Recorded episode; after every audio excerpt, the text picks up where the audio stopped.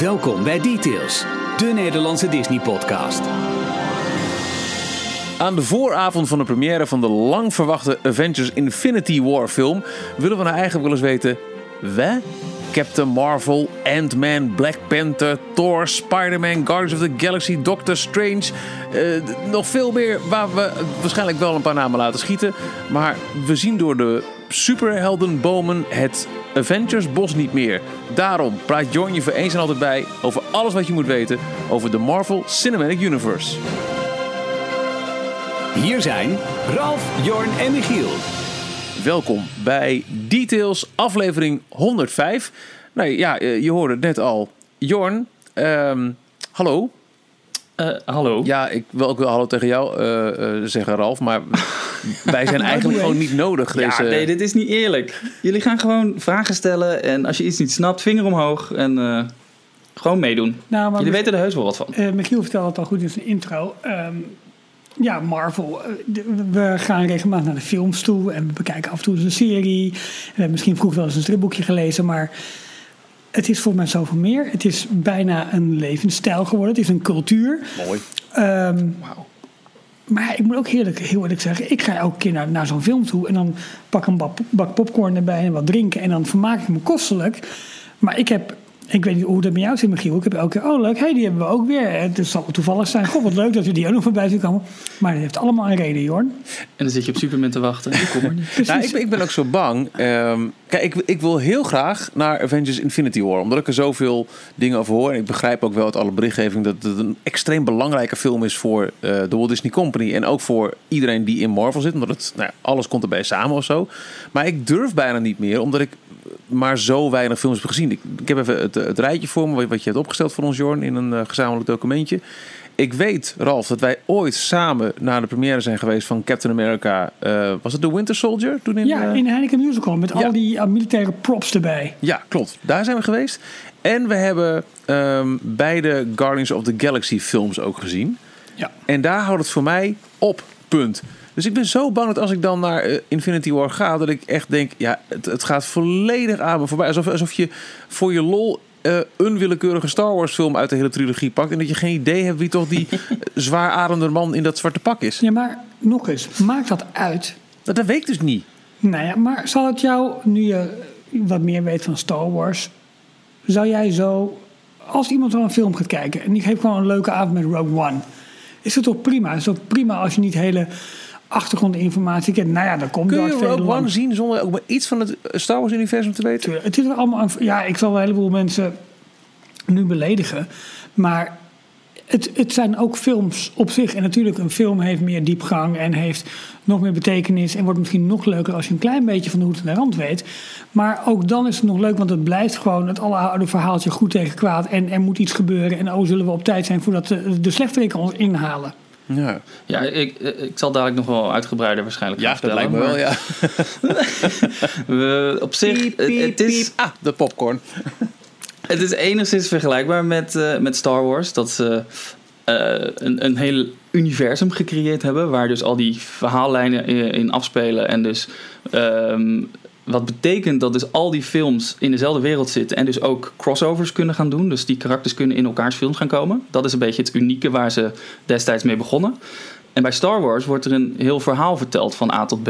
En dan, dan is het dus moeilijker om als je één deel mist, om dan het verhaal te snappen. Ja, oké. Bij Ja, dit zijn ja. eigenlijk elke film is een apart, eigen op zich staand boek. In een, eh, in een grotere reeks waarbij er een rode draad door die films heen loopt, maar niet als een heel erg.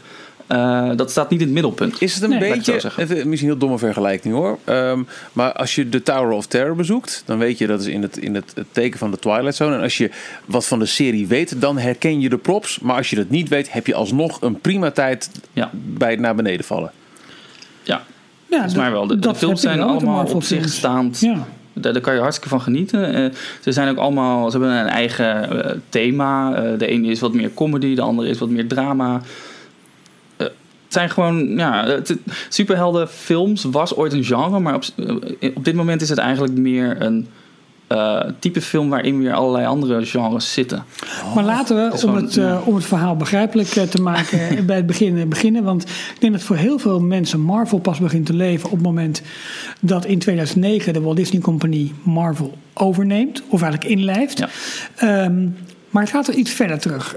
Kun jij ons heel kort even vertellen, eh, Jorn, hoe die geschiedenis is van Marvel, maar misschien ook van DC Comics en wat er allemaal heeft Ja. gespeeld? Want het vindt natuurlijk allemaal zijn historie in, de, ja, in gewoon de ouderwetse stripboekjes.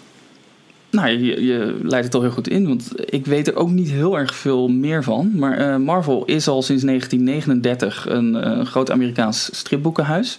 Een grote concurrent van Marvel is DC Comics. En wat eigenlijk de, de Amerikaanse, wat Marvel en DC eh, zo uniek maken ten- opzichte van de, wat de Amerikaanse comics ten opzichte van de Europese bijvoorbeeld uniek maken, is dat zij heel erg op de superheroes zijn gaan zitten. Dus allemaal eh, superheldenverhalen. En er is een groot verschil tussen Marvel en DC. Ik zal even eerst misschien een klein lijstje opnoemen van wat Marvel helden, bekende helden. Ja. Iron Man, Spider-Man, Hulk, ehm, Black Widow, Captain America. Guardians of the Galaxy dus. Hm? Hawkeye. Hawkeye, ja, dat is ook een goeie. En een aantal grote bekende namen uit DC Comics, dus de grote concurrent. Eh, Batman, Superman, Wonder Woman, ehm, de Joker, de, de bad guy van, van Batman. Ehm, en je ziet dus nu ook dat daar, dat ze vanuit Warner Brothers, die on, eigenaar is van DC Comics, dat zij nu ook een beetje het, het Marvel Cinematic Universe succes willen nabootsen met hun ehm, Justice League en Batman films Ja. Wat iets minder succesvol is dan, dan Marvel. Een ander groot verschil tussen de twee is dat eh, de DC-verhalen zich voornamelijk afspelen in allerlei eh, verzonnen steden. Mhm. Dus in Metropolis, Gotham City, dat soort dingen. En Marvel eh, speelt zich meer af in eh, de gewone wereld. Dus heel erg veel in New York, omdat dat ook de plek is waar Marvel is opge- opgericht. Ehm, maar er komen gewoon bestaande steden in voor. En dat zie je dus ook in, die, in de films weer sneller terugkomen. Wat het, ja, dat, dat maakt het net allemaal. Het klinkt heel raar, maar misschien iets realistischer. Ehm, een ander belangrijk iemand in de geschiedenis van Marvel is Stan Lee. Eh, Van, hij- van de mesjes? niet. Nou, ik denk, hij gaat het niet echt maken. Tuurlijk wel. hoor. Natuurlijk. Dat is, eh, Michiel, daarvoor zitten wij erbij eh, deze aflevering. Oké, Heel dus goed, dan een beetje De Walter. Stedtler van deze aflevering. Ja. Ja. Goed zo. Ja, Stan Lee is, ehm, is al heel lang, echt sinds de oprichting, werkt hij geloof ik al bij, eh, bij Marvel. Ehm, als, eh, in, in de loop van zijn carrière is hij uiteindelijk uitgegroeid tot eh, eindredacteur. En hij is ook bedenker van heel veel bekende superhelden die we op dit moment nog steeds eh, kennen. Zoals Spider-Man, The Hulk, ehm, Iron Man is dacht ik ook van zijn hand. En hij heeft echt een legio aan onbekende helden bedacht. En ook allemaal bad guys. Want in ieder nummer eh, moest Spider-Man het opnemen tegen The Thing, de Swamp Monster, de weet ik veel. Er kwam wel, van alles kwam er voorbij. Waarschijnlijk zat hij gewoon op zijn, eh, op zijn eh, studiekamertje, zat hij naar buiten te kijken. En wat zag hij voorbij komen? Een ijs, ijskoomman. The Ice Cream Man. Ja, ja, ja. Dat was dan weer een of andere bad guy. Ehm, maar Stan Lee is een soort karikatuur van zichzelf geworden. Want hij is in de films, in de Marvel films, ehm, ooit begonnen als een kleine cameo-rol. Is die, dook hij op in, in de eerste Marvel Studio films. En dat is hij eigenlijk vol blijven houden. En ik geloof dat hij op dit moment echt in elk... eh, eh, in elke Marvel Studios film, dus uit de Marvel Cinematic Universe, één keer voorkomt. In elke film heeft hij wel een scène. Hij is En echt een cameo. oud ook inmiddels. Hij is, eh, 90, hij is 91? redelijk oud, ja. Hij is in de 90 al, dacht ik. Ja. Dus het, het zal een keertje ophouden. Ja, dat lijkt me ook. Letterlijk, voor hem. Ehm, ik weet niet hoe ze daarmee omgaan. Ik had wel eens begrepen dat ze voor eh, een aantal films achter elkaar het op één dag allemaal opgenomen hadden. Omdat ze al bezig waren met drie, vier films. Ehm, ja, we Ik gaan blijf het ook wel grappig vinden als er een grote showdown is in New York. Dan zie je hem nog even over het zebrapad lopen. Of bij een, lift staan. Of dat, dat soort kleine cameo. Ja, dat is natuurlijk heel erg Maar dat deed hij, volgens, dat deed hij in, de, in de stripboeken zelf ook al. Volgens mij eh, kwam hij wel eens eh, voorbij in, in een aantal panelen. En eh, volgens mij was zijn, zijn hoofd ook in getekende vorm wel eens als een soort column in, eh, in een aantal eh, tijdschriften of stripboeken terug te vinden. ah, En anders kunnen ze in plaats van Stan Lee altijd nog voor een stand-in. ja. Ik weet niet welke beter is van Michiel. Bruce. Of zijn broer Thank Bruce. you, we'll be here all day. Bruce. Maar goed, Nou, eh, Ralf, je noemde het net al. In eh, 2009, toen eh, was het best een belangrijk eh, punt in de geschiedenis van Marvel Entertainment. Want toen werden ze overgenomen door de Walt Disney Company. Voor het eh luttele bedrag van 4 miljard dollar. Ja. Dan maak in je tegenwoordig een verhouding- kwart eh, Black Panther film van. zo, dat Nou, is wel een goede mee, investering sorry. geweest, hè? Ja. Zo, de Ja, die, de, The Avengers, dat is een van de eerste films die ze onder de Disney-naam hebben uitgebracht. Die, die leverden al een miljard op. Ja, want er is verschillen. Kijk, ze hebben natuurlijk de, eh, de rechten op al die characters en op de films. Ja. Maar er is een heel oerwoud aan. Nou, je hebt enerzijds de partijen die de films maken. En anderzijds de partijen die de films distribueren. Oftewel, die ze naar de theater brengen, die ze naar home video brengen. Die eventueel rechten op merchandising hebben. Dat is nog een wereld van, van verschillen. Want eh, Disney heeft niet alle, recht, alle films gedistribueerd. Nee. Nee, eigenlijk is het, eh, was het heel raar. Want op het moment dat Disney Marvel overnam... ehm, had Marvel al allemaal lopende deals met andere filmstudio's. Ja. En daardoor was het best wel bijzonder dat Disney die stap eigenlijk nam. Eh, wat het betekende dat zij heel veel van die deals ongedaan moesten maken. Of op een, een of andere manier die, die rechten weer terug eh, zouden moeten krijgen. Ehm, dat waren voornamelijk filmdeals. Dus dat betekende dat ze de, de stripboekkarakters, de superhelden, mochten gebruiken, die studio's, in eh, eigen geproduceerde films. Ehm, en eh, volgens mij de, de, de comicrechten op die films die waren wel nog gewoon bij Marvel zelf. Dus die, eh, ze mochten, Disney mocht wel stripboeken uit blijven, blijven geven. En het feit waarom Marvel al die rechten verkocht had, had ermee te maken dat ze begin jaren 90 of halfweg jaren 90 op het randje van faillissement bungelden. En ehm, eh, destijds was eh, een van de, van de eigenaars van Marvel die ging een beetje eh, shoppen bij de verschillende studio's. Van joh, ik heb hier nog wel wat bijzondere figuren. Kan je daar iets mee? Willen jullie daar een film mee maken? En ze gingen daar niet heel erg consequent mee om. Dus verschillende studio's die hapten toe op verschillende ehm, eh, helden. En op die manier waren de, de, de, de Marvel-karakters dus allemaal verdeeld over, over de verschillende studio's in Hollywood. Zo Ja. had Sony de rechten over Spider-Man. En ehm, X-Men en Fantastic Four bijvoorbeeld, die eh, vielen onder Fox. Ja. Nou, dat lijkt binnenkort Ehm, opgelost. Ja, Incredible Hulk die viel heel lang onder Universal. Ik weet niet of dat nog steeds zo is trouwens. En er zijn nog heel veel andere kleinere partijen die, die, af, die er af en toe wel eens tussen zitten. En hebben nog niet eens gehad over alle theme park rechten met, eh, nou ja, muziek moet, dat laat me vaas Ja, laten we daar eh, dadelijk nog over, over beginnen. Ehm, ja, waar we het ook al heel lang, of de hele tijd naar eh, refereren, is eh, de Marvel Cinematic Universe, de MCU. Ehm, dat is eigenlijk wel een beetje het middelpunt van deze podcast, want dat is ook het, waar ik het meeste van af weet, wat Marvel betreft. Ik ben ook niet een, super grote fan van, eh, van de stripboeken. Niet verklappen. Nou ja, niet een grote fan. Als in, ik heb ze vroeger, toen ik jong was, nooit gelezen. Omdat ze in Nederland ook veel moeilijker verkrijgbaar waren. En internet was nog allemaal niet zo, eh, niet zo bekend. Dus je kon ze niet op allerlei manieren Ik krijgen. heb er wel altijd een fascinatie voor gehad dat als je over een boekenbeurs, stripbeurs liep, dat je heel veel van die bakken zag inderdaad met dat soort stripjes. Dat ik altijd gedacht, ah, moet ik dat ook gaan sparen of doen. Maar niet dat ik dat echt nou per se las, maar ik vond het toen al heel fascinerend. Die, gewoon die, die dunne comicbooks. En nou, Michiel heeft nog veel meer met, strip, met stripboeken dan, dan ik. Maar hoe heb jij daar ooit tegenaan gekeken, Michiel? Nou, wel die fascinatie. Ik dacht, dit, moet ik te gek vinden. Dit moet ik heel tof vinden. Maar dat lukte dan op een of andere manier nooit of zo. Eh, qua strips, eh, ja, ik heb eh, hier eh, eh, boekenkasten vol staan met, met Disney strips. Met, met strips van, eh, van eh, eh, Belgische grote uitgeverijen als Dupuis en. Eh, dat, dat vind ik echt fantastisch. Maar dan, ja, wat voor mij echt grote striphelden zijn buiten de Disney-sfeer zijn... Asterix, Guus Vlater, dat- dat soort eh, namen. Ehm, Namelijk België. ja, dus, ja, de- Dus de- de- de- de Belgische striphuizen. Ja. Fantastisch. Maar wel een leuke aanrader. Die heb ik afgelopen vakantie gelezen als, eh, als e-book. Maar die kun je ook kopen waar je maar wil. Is ehm, het boek van Michael Minnebo.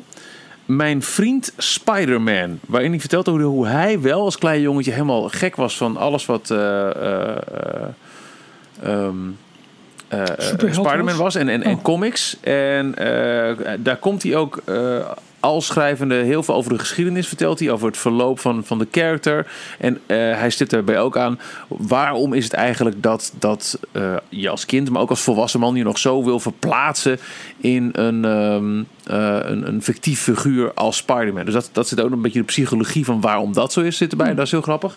Maar ook ehm, eh, nou ja, over de, de geschiedenis en het verloop van, van, van Spider-Man en Peter Parker in, in de comics. Vond ik wel een, een aardige titel. Maar eh, nee, zelf, ik denk het hetzelfde als jij, eh, Ralf. Fascinerend. En ik wou dat ik het heel tof vond. Ik wou dat ik het heel erg had gelezen. Maar dat is nooit echt het geval geweest.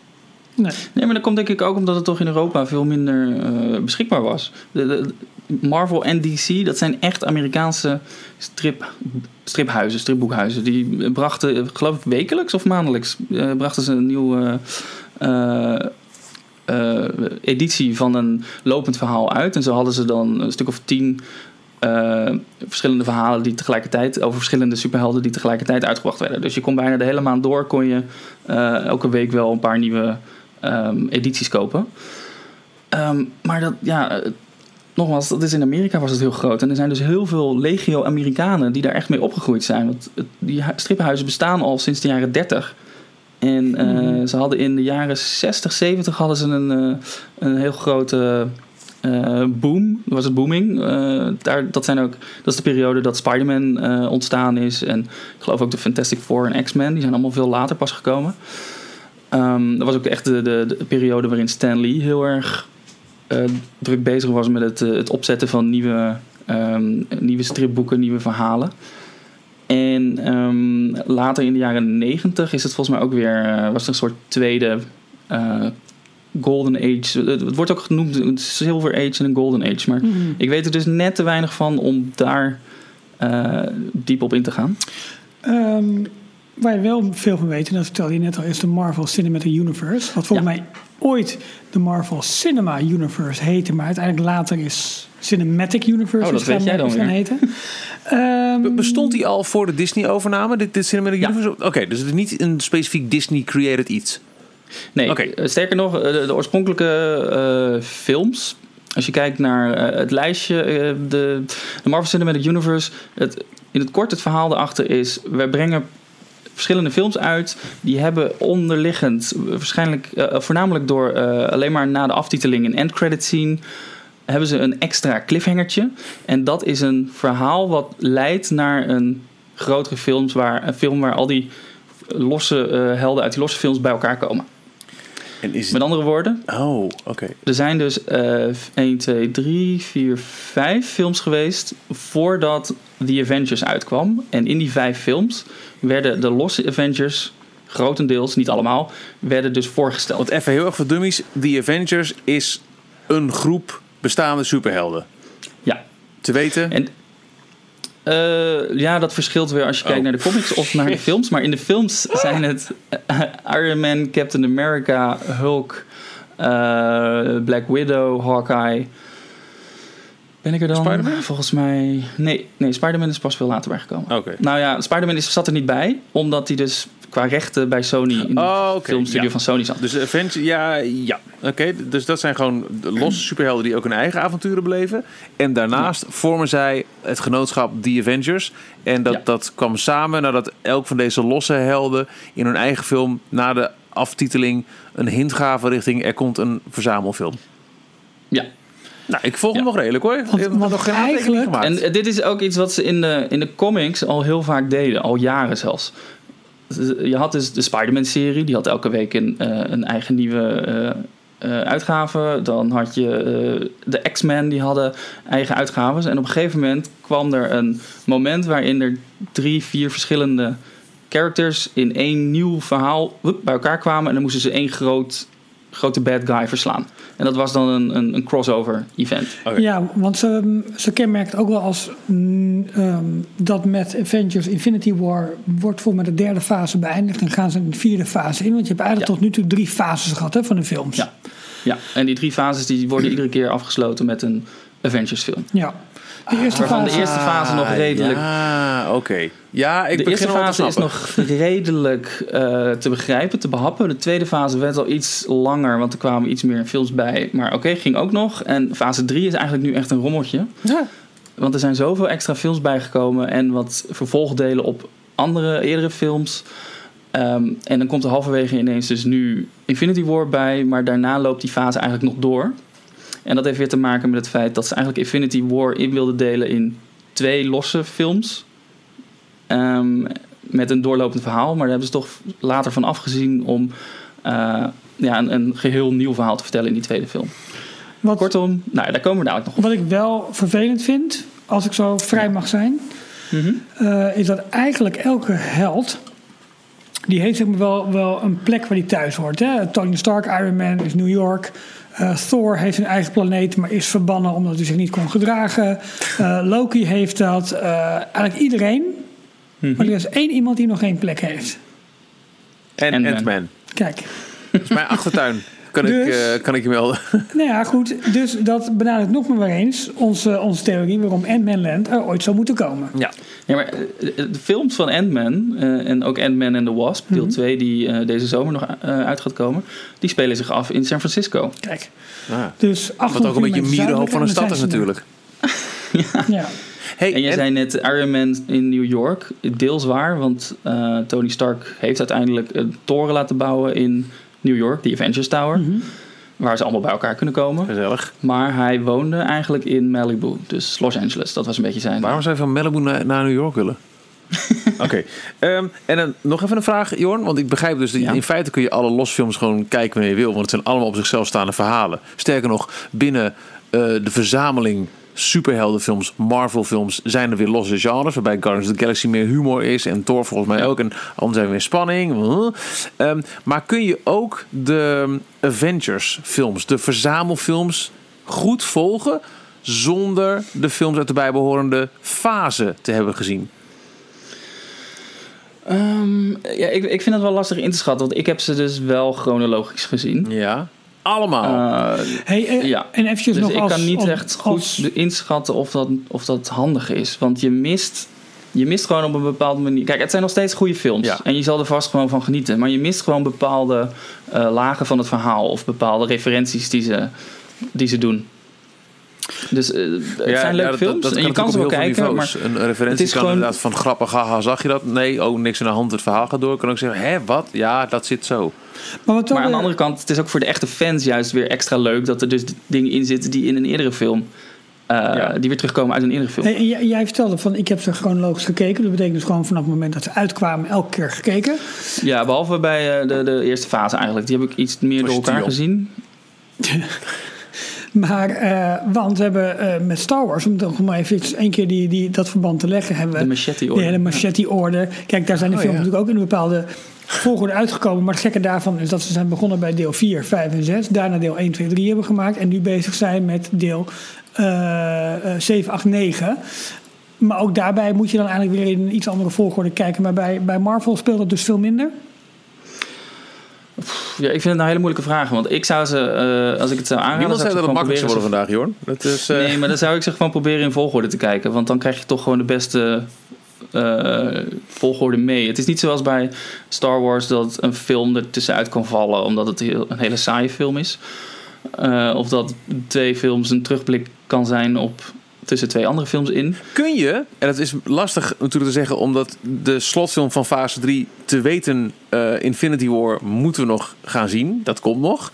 Maar kun je de, de Avengers films achter elkaar kijken zonder ook maar enige losse fasefilm gezien te hebben? Huh? Ja. Ik, ik, ik snap waar jij op uit bent. Want jij wil nog voor volgende week wil je even snel Nou to ja, speed dat komen zou met wel makkelijk zijn. Want je wil toch eh, niet volledig huh, om je Ik heen... denk, wel dat, ja, ik denk wel dat het een goede introductie is als je helemaal eh, Marvel Cinematic Universe niet echt kent.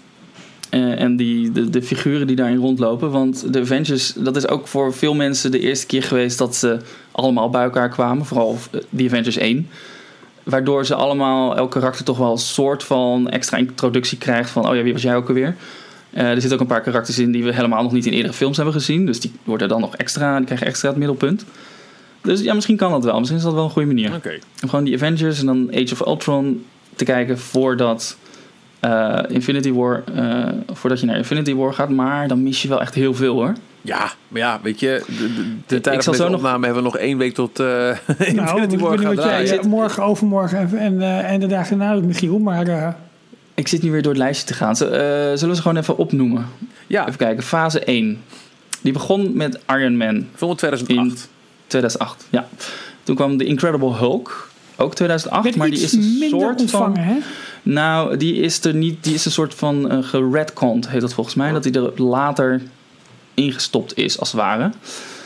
Ik vraag me af of die nou altijd al onderdeel was van de, van de Marvel Cinematic Universe. Ze waren met Iron Man waren ze echt uh, uh, ermee aan het starten. En toen waren ze aan het uitzoeken van wat gaan we hiermee doen. Maar dit Tegelijkertijd was waren voor ze de dus al bezig overname, met... inderdaad, van Disney. Ja. Ja, Ah, ja. want Iron Man is uitgebracht door Paramount. Die had er de rechten op Iron Man. En die had toen al wel zoiets van, wij gaan toewerken naar Avengers, weet je dat? Daar begon het, ja. Want in, uh, in de post-credit scene, dus na de aftiteling, uh, kwam, dacht ik, Nick Fury al voorbij. In de rol, van, dat is uh, Samuel L. Jackson. En hij is de belangrijke man die eigenlijk al die verschillende superhelden uh, bij elkaar ging zoeken. En die Aven Avengers Initiative gestart is. Waarbij ze dus met, met elkaar het grotere kwaad moesten gaan bestrijden. Zeg maar de Mamalou van Marvel. ik weet de rol van Mamalou niet zo goed, maar... ja. ja. Maar goed, Incredible Hulk... Um, die is er, uh, ja, die is er dan wel, die hoort er wel officieel bij, want daar zat ook dus een eindscène in waarin Tony Stark ineens verscheen. Dus dat was al een, een kleine verwijzing. Alleen, de Incredible Hulk valt er heel erg buiten weer, want de Hulk is later uh, gerecast. Dus uh, een andere acteur heeft het overgenomen, Mark Ruffalo. Dat ze nog zo'n groene man konden vinden, is ook mazzel. het was toch uh, Edward Norton die hem toch... Edward Norton was het, dank je. Ja. Want ik kwam even niet op de naam. Ja, die, uh, die speelde in The Incredible Hulk.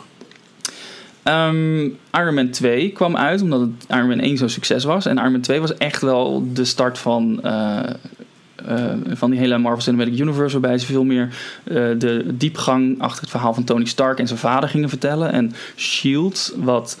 Um, zeg maar, daar, daar werkt Nick Fury bij. En dat is de, de geheime operatie die al die superhelden bij elkaar ging zoeken. Assembleerd. Dat werd, dat werd ja, toch? Assembleerd. dat werd daar veel meer in uitgelegd. Uh, en toen kwam Thor. En Thor was eigenlijk ook wel weer een beetje een vreemde eend in de bijt. Als in... Um, in de stripboeken was het ook uh, een raar figuur, want het was een Noorse god. Maar daar konden ze in de films niet heel veel mee. Dus uiteindelijk hebben ze meer een alien gemaakt. Dus hij is. Uh, ik zie Michiel heel raar kijken. Ja, ik, ik probeer. Nee, nee ik, ja, oké. Okay, ja, het, ik begrijp nou ja. dat het allemaal niet echt is. het is allemaal niet echt. Nee. Michiel, uh, Thor is iemand met die hamer. Normaal gesproken kom jij ja, tegen als cv uit komt rollen. Ja, maar nee, hij nee, ja, ook in de met de hamer. Leuk. Ja. Maar eigenlijk was Thor de, de introductie. En dat vond ik dus wel een belangrijke film voor, uh, voordat je naar de eerste Avengers ging kijken. Um, want daarin werd um, uitgelegd dat er eigenlijk meer was dan alleen maar alles wat er op aarde afspeelde. Dus er, er waren ook planeten buiten uh, ons zonnestelsel waar er van alles gebeurde. En daar werd je geïntroduceerd naar, uh, aan de Infinity Stones. Wat dadelijk nog een hele belangrijke rol in Infinity War gaat spelen. Dus daar zijn ze al 18 films mee, mee bezig. Je had voor die Avengers had je nog uh, Captain America ook, hè? De Wacht even, want ik ben daar nog niet. Ik zit nog bij Thor. Oh, sorry. um, dat is toch van het en in Thor... Every rose has its four? Thorn. Oh. nee, Thor, Thor is een, zijn broer, zijn halfbroer, want die is geadop, uh, geadopteerd. Loki. Dat was uiteindelijk de bad guy in The Avengers. Dus het was ook wel Ah, heel ja. belangrijk om hem te leren kennen. Dus die film is best wel belangrijk geweest. Was- Toen kwam Captain America, The First Avenger. Nou, de naam zegt het, The First Avenger. Het was een film in de jaren 40. Uh, er waren allemaal... um, de, de, de, de Amerikaanse regering deed geheime onderzoeken... naar de ultieme mens te creëren. En daar was een... Uh, oh, dan ben ik zijn naam even vergeten. Een bepaalde dokter bij betrokken die een serum, superhero serum, heeft uitgevonden. En zo is uh, Captain America, ontstaan. Hij is dus door een bepaald serum uh, heel groot, sterk geworden. En Kom maar daarmee nou, was heel, hij heel de first rennen. Kon hij. Avenger. hij kon ook heel hard rennen. Hij kon heel hard rennen, ja. ja. Um, en wat daar bij die film ook nog uitgelegd werd, is de, de ontstaansgeschiedenis van uh, Shield. Daar zat dus een jongere versie van de vader van Tony Stark in. En de oudere versie van Tony Stark, zijn vader, Howard Stark, die zat dus weer in Iron Man 2. Dus daar begonnen ze al heel erg die films aan elkaar te gaan linken. Hm. Michiel is me alweer kwijt. Nee hoor, ik ben er nog. Daarna kwam The Avengers. Dat was, eh, nou moet ik het wel even goed zeggen, volgens mij de laatste film die wel geproduceerd was door Paramount. Dus die hebben de film helemaal betaald. Maar de eerste film die gedistribueerd is door Disney. Ja, want, ja, rond deze tijd was de overname beëindigd. helemaal rond. Voor mij werd daarna ook de deal beëindigd tussen Paramount en Disney. 2012, 2013. Ja, klopt. Ehm, nou, en dit was de eerste film waarin dus die verschillende eh, helden, Iron Man, Thor en Captain America, bij elkaar kwamen. Eh, oh, de Hulk ook nog. En eh, Hawkeye en Black Widow, die kwamen er ook bij. En zij vormden samen The Avengers. En Loki, die, dat was de bad guy, want die had een stel aliens naar de aarde gestuurd, naar New York. En dat zorgde voor eh, in het einde van de Avengers voor de grote Battle of New York. Waarbij de allerlei vliegende aliens New York gingen aanvallen. En zij met z'n vijf of zessen eh daartegen ingingen. En dat kwaad gingen bestrijden. En is gelukt? Nou, en dat is gelukt. Maar de- het mooie wat er dus ge- ge- ge- neergelegd is hiermee... is een basis voor de rest van de Marvel Cinematic Universe. Want ehm, die Battle of New York... die wordt af en toe nog wel eens... daar wordt nog wel eens aan gerefereerd. En dat is een soort 9-11 moment in de Marvel Cinematic Universe... waarin de wereld veranderde. Ineens was... eh, had iedereen gehoord van superheroes, werden de heroes op een voetstuk gezet en de bad guys eh, werden ook eh, bekender van oh shit, er kan best wel eens een grotere dreiging dan we, dan we voor mogelijk hebben, kan er op ons afkomen. Ehm, de Infinity Stones die waren uitgelegd, maar daar werd nog een beetje geheimzinnig over gedaan. En je zag in een aantal van die end credit scenes zag je al een, eh, een raar donker groot figuur in de, in de ruimte zweven, op een troon zitten en die lachte richting de camera. Winfrey. Later werd bekend dat, of eigenlijk de mensen, de, de, de echte comic nerds, die wisten dat al meteen. Maar werd er steeds meer over hem bekend. En hij, eh, dat is Thanos, Thanos. En dat is de, de big bad guy in Infinity War. Hij is op zoek naar die Infinity Stones. Dat zijn soort diamanten, stenen in verschillende kleuren met allerlei, allemaal kosmische krachten. Als je die verzamelt en in de Infinity Gauntlet stopt, een gouden handschoen, Wacht even, ik moet het even met Michiel vertalen. Michiel, bij de Albert Heijn krijg je zegeltjes. Als je vijf zegeltjes hebt, kun je borrelglaasjes kopen. Nee, dat is het leg me even beetje. maar gewoon met drie Ik, ik zit mezelf terug. Je, ik zit mezelf terug te luisteren. Dit slaat ook helemaal nergens op als je dit uitlegt. Maar je moet het je zien. moet het zien. Dit is, Ja. dit is zoiets dat kan je niet uitleggen. Jawel. Maar goed, nee, maar je hij is dus die, naar die- Infinity Stones ook al in eerdere films voorbij? Of is dit echt iets wat... eh, Ja. in, Die heb je in eh, Guardians of the Galaxy, die heb jij wel gezien. Dan gaan ze op een bepaald moment naar The Collector. En de Collector komt ook weer terug in de Mission, Breakout. Ja, want er zijn Fortress... De, de, de, de oude Tower of Terror is, is, het, is het fort van de Collector geworden in Anaheim. Ja, oké. ja. Ja. Eh, Guardians of the Galaxy start ermee dat Star-Lord een bal moet, moet stelen Ja. van een planeet. En dan, eh, die brengt hij uiteindelijk naar de Collector. En de Collector maakt hem open en daar zit dus een, een van de Infinity Stones in. Oké. En er zijn er zes, geloof ik. Thanos, Thanos is op al die zes stenen uit. Die wil ze hebben. Want als hij die combineert, dan heb je de ultieme kracht in het universum. En dan kan je werelden vernietigen. En dan kan je alles helemaal kapot maken. En dat is wat er nu gaat gebeuren in Infinity War. En- en hij komt zit- naar aarde, want daar zijn de meeste stenen te vinden. Even terug, hoe zitten die, die, die Infinity Stones al in Marvel's The Avengers, de eerste Assemble film? Ehm, nou, Thor heeft. eh, even kijken hoor. Ja, de. in Captain America First Avenger, die speelt zich af in de jaren 40. Dan wordt er in Noorwegen, wordt er. ehm, dat is die link naar de Noorse Mhm. dondergod. Wordt er in een kerkje. Dat was mijn Wordt er een, een blikje eh, was dat, sorry. Wordt er, eh, de Tesseract wordt gevonden. En de Tesseract is een voorwerp. Dat, dat, dat is een van de Infinity Stones. En daarmee kan Loki later in Thor.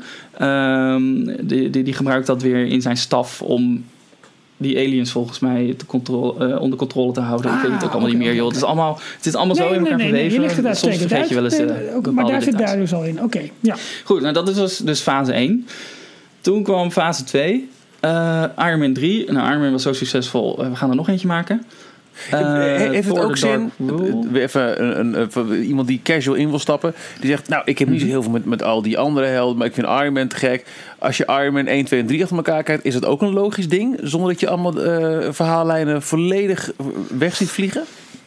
Ja, eh, die films zelf die staan allemaal op, op zich. Die kan je makkelijk loskijken. En eh, dus ook eh, Iron Man 1, 2, 3 Net zoals Guardians of als the Galaxy 1 en 2. Dat weet ik dan uit ervaring. Die kun je los van elkaar zien. Zonder ook maar, Ja. als, je, als je geen behoefte hebt om je helemaal te verdiepen in al die andere verha- verhaallijnen. Ja. Geen probleem. Kijk jij lekker Guardians of the Galaxy en hoef je er nergens meer druk om te maken.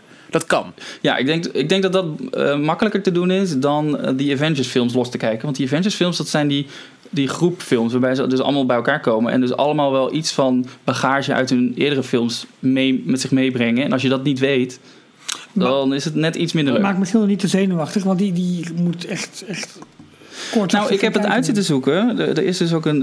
eh, ik kwam een, een internetsite tegen, de Movie Clock Counter of zoiets. Waarbij je eh, verschillende filmsaga's kan opgeven. En dan, eh, en dan geven zij precies de running time Ja. aan. En dan tellen ze dat bij elkaar op. Vet. Alle films tot en met Black Panther uit de Marvel Cinematic Universe. die zitten nu op één dag, 12, nee, 14 uur en een paar minuten. Michiel, dat redden we. Ja, dat moet te doen zijn. En ehm, alle seizoenen van TikTok. Zitten op 24 Ik heb ze nu dagen, even niet 5 bij. uur Nou, en 23 oh. minuten. We zijn nu heel druk bezig met Cinematic Universe uit te leggen. Maar dat zijn dus de, de films alleen maar. Ja, maar daar houden we het nu ook even bij hoor. Ja, we houden het er nu even bij, maar wel, wel even refereren aan dat er ook Netflix-series zijn, dat er ABC-series zijn, dat er Hulu-series zijn. Dus er zijn ook televisieseries die allemaal in diezelfde wereld afspelen en die dus ook af en toe refereren aan gebeurtenissen in de film. dat zou- Ik ben nu Jeff. Andersom, andersom is iets moeilijker, want ze willen niet. eh, die films willen ze een beetje loslaten van de televisieseries, omdat daar natuurlijk iedere week allerlei dingen gebeuren. Maar de films zijn wel zodanig belangrijk voor de series dat daar nog wel eens invloeden in. Maar zijn die eh, qua eh, importantie bijvoorbeeld te vergelijken met nou, Star Wars? Daar kan ik ook van meepraten. Aan het einde van ehm, Force Awakens zie je ineens eh eh, C-3PO met een rode arm. En dat blijkt dus in een comic uitgelegd te zijn waarom die een rode arm Ja. heeft. Dat maakt verder eigenlijk helemaal niks uit voor heel het verhaal niet. Maar dat je wel weet, oh ja, dat komt omdat dat je lekker de, de, de Mr. Know-it-all bij bijvoorbeeld een pubquiz uit kan hangen. Eh, ja, deels. Dat ligt er weer aan welke serie. Nee, oké, maar Laat ik het zo zeggen, de, de, de Netflix-series die staan, eh, die vormen eigenlijk weer een mini Marvel Cinematic Universe. Die vallen met elkaar weer meer bij elkaar in het, eh, in het geheel dan in het algehele grote geheel. Maar ze refereren in die series wel steeds aan The Battle of New York. En je ziet kranten op de achtergrond hangen van Remember the Attack of New York. En dat is dus die aanval van die aliens in de eerste Avengers. Jessica Jones heeft het in haar Netflix-serie ook over de eh, Big Green Guy. Komt er nu. Ja. Or the, the Man with the Shield. Ja, ja. Ja. Dus dat soort verwijzingen zitten erin. Maar het, het valt mee. Het, het zijn niet echt belangrijke plotpoints die je zou missen als je de series niet kijkt. oké. Dat je die dan in de films niet snapt. Ehm, en dan hebben we daarnaast, dat weet ik dan wel, want dat is ook weer een apart ding. Eh, Of, of eh, kap ik nu te snel af? Ja, we moeten Nou, nog wel die fases even doorwerken. We moeten die fases nog door. Laten we dat Oh ja, eerst sorry, even doen ja, anders. oké. Excuus. Ik ging ook alle kanten op hoor. Eh, fase 2, dus na Avengers had je Iron Man 3. Toen kwam Thor The Dark World, oftewel Thor 2. Achteraf was dat een van de minste films tot nu toe. Ehm, Captain America The Winter Soldier. En die was Dat tof. was deel 2 Die van Captain America. En dat is een hele toffe. Ik vond hem ook eh, qua, qua stijl heel erg gaaf. Want het is een beetje een jaren 70 spy thriller, espionage-achtige thriller. Waarbij eh, hij speelt zich af in, eh, in Washington. En SHIELD, dat grote, eh, die grote organisatie van ehm, de Amerikaanse overheid, die blijkt dus geïnfiltreerd te zijn door Hydra. En Hydra is qua vormen en hoe ze zich voordoen heel erg nazi-achtig.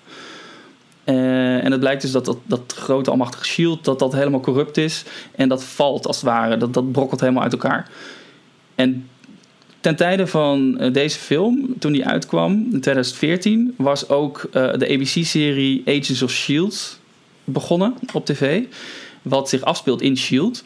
En tot en met de week dat deze film in première ging, was S.H.I.E.L.D. dus gewoon een normaal lopend bedrijf. En toen kwam die film uit en toen was ook meteen die aflevering daarna shit, er is van alles aan de hand. Ja, vet. Hydra is geïnfiltreerd in dit bedrijf. Eh, hoe gaan we hiermee om? Dus eh, op die manier hebben ze heel erg die film en, eh, en televisieserie aan elkaar gekoppeld. Mm, toen kwam Guardians of the Galaxy. Wat echt, wat dat betreft, een vreemde eend in de bijt was op dat moment.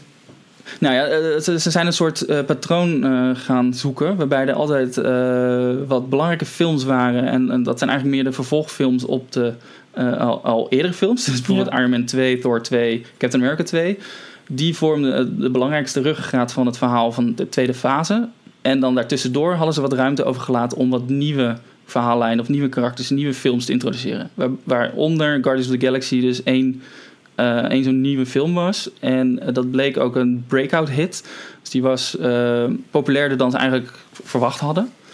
En die hebben ze ook in de, in de zomer geprogrammeerd. Dat hebben ze later ook met Ant-Man gedaan. En bijvoorbeeld Doctor Strange is ook zo'n soort film geweest. Die ze in de zomer gelanceerd hebben. En ehm, ja, die voegt wel toe aan de Marvel Cinematic Universe. Maar dat waren niet eh, de, de meest belangrijke films. Die zijn meer om nieuwe karakters te introduceren. Ja. Na Guardians of the Galaxy eh, kwam Avengers Age of Ultron. En dat was de, dus de tweede Avengers. Dat was de tweede film waarbij ze weer bij elkaar kwamen. Ehm, ja, wat zal ik daarover zeggen? Dat is ook de minste Avengers film, denk ik, tot nu toe. Ja, Ja, ja, hij is wel een goede film hoor, maar... ehm, ik denk dat ik er destijds ook iets meer van verwacht had, eigenlijk. Eh, ik weet niet of ik toen al een beetje moe werd en het trucje wel gezien had. Want we zijn al iets van 8, 9 films eh, in de hele Cinematic Universe. Maar die Avengers films die vond ik eigenlijk niet meer zo leuk. En dat kwam misschien ook deels doordat Guardians of the Galaxy daar vlak voor uitgekomen was. En dat was echt een... eh, echt gewoon een, een, een komische eh noot in de En, en hele... een ontzettende blockbuster ook, hè, die Guardians of the Galaxy Ja. films. Ook, ook buiten de, de, de, de scene van mensen die enigszins eh, zich hadden al geïnvesteerd in de hele Marvel-lijn, was dit ook gewoon, oh, eh, tof, filmpje pikken en eh, te gek. Ja, maar ook vanwege die fantastische soundtrack die erin zit. Ja, man. En dat hebben we natuurlijk nog een keertje herhaald. ehm, met ehm, Thor Ragnarok. Waar Led Zeppelin bijvoorbeeld heel prominent in zit. Die moet nog steeds zien, die voor. Ja, die is vet. Ja. Die vind ik echt vet. Ja, heb je, die heb jij gezien? Ik, ook? eh, Ja. ik, zal, eh, ik zal aan het einde mijn eh, top 3 of zo. eh, bekendmaken. kom niet verder ik heb dan hem niet gemaakt, maar doe ik even. We verzinnen wel wat. ik doe ook mijn top eh, 3 dan. Van de films die ik gezien heb. Het zijn er drie. same hier. Even kijken. eh, nou, eigenlijk die, die Age of Ultron, dat sloot een beetje de tweede fase af. Ehm, heel kort het verhaal. Tony Stark wilde de aarde beschermen om ehm, te voorkomen dat er weer zo'n alien invasion zou komen, zoals in eh, deel 1 van die Avengers. En daardoor had hij een AI ontworpen, een, eh, een kunstmatige intelligentie, in allerlei robots gestopt. Iron Man is zelf, dus een hele pak is een robotpak en hij, hij is een uitvinder en hij maakt echt tig van dat soort, eh, van dat soort robots. En die AI die was dus zo slim geworden dat hij eh, de wereld wilde vernietigen. dus dat eh, ging een beetje verkeerd. Met uiteindelijk een hoogtepunt dat, dat er een, een stadje ergens in Oost-Europa eh, helemaal verwoest werd. En dat is daar uiteindelijk heeft dat weer geleid tot wat ehm, politieke inmenging. Dat, wat weer in Captain America Civil War heel erg naar voren kwam. En met Captain America Civil War begon fase 3. En dat is de fase die nu met Infinity War afgesloten wordt. In Captain America Civil War, dat, dat wordt door velen ook wel meer gezien als een Avengers film dan een Captain America film. Want daar komen ook ineens heel veel eh, helden bij elkaar. Want wat daar gebeurt is dat ehm, vanwege dat, dat dorp wat helemaal verwoest werd, zijn er, dat heette Sokovia, zijn er Sokovia Accords opgezet. En daarin, ehm, daarmee wilde eigenlijk de regering een soort halt toeroepen op al die superhelden die maar eigen rechtertje gingen spelen. Ophouden jongens, op naar huis. Nou ja, eh, ze beschermden je wel, maar er vielen ook heel veel doden en gewonden. Dus ze wilden dat een halt toeroepen. En eigenlijk officieel ehm, eh, aan banden leggen, of niet aan banden leggen, maar dat de, de regering daar een soort eh, akkoorden in kreeg. Dat zij konden zeggen: Oké, nu mogen jullie ingezet worden, maar je mag niet je eigen rechtertje spelen. Dat zorgde intern in de groep heel erg voor een tweestrijd. De ene, haar- Tony Stark vond dat, geloof ik wel, die was het daar heel erg mee eens. Captain America was het daar heel erg mee oneens. En eh, er waren dus een aantal leden in die Avengers die zich bij de een ging scharen en de andere die zich bij de andere ging scharen. En zo werden die twee superheroes tegen elkaar opgezet. En gingen ze ook tegen elkaar vechten. En uiteindelijk was dit de eerste film, dat maakt hem extra bijzonder, waar de nieuwe versie van Spider-Man in geïntroduceerd Hmm. werd. Want Marvel en Sony hadden een deal weten te sluiten. Vertel daar even over. Dat is wel interessant. Iedereen vraagt maar af waarom zit Spider-Man er niet in of bij en waarom komt er nu mondjesmaat bij? Oké, dan eh, het hele verhaal van Spider-Man. Nou, Spider-Man was ergens in de jaren 90 dus bij Sony terechtgekomen. Ehm, en daar hebben ze in begin 2000, jaren 2000, heeft Sam Raimi daar een best wel succesvolle trilogie van gemaakt. Die begon met Spider-Man 1, ik dacht in 2002.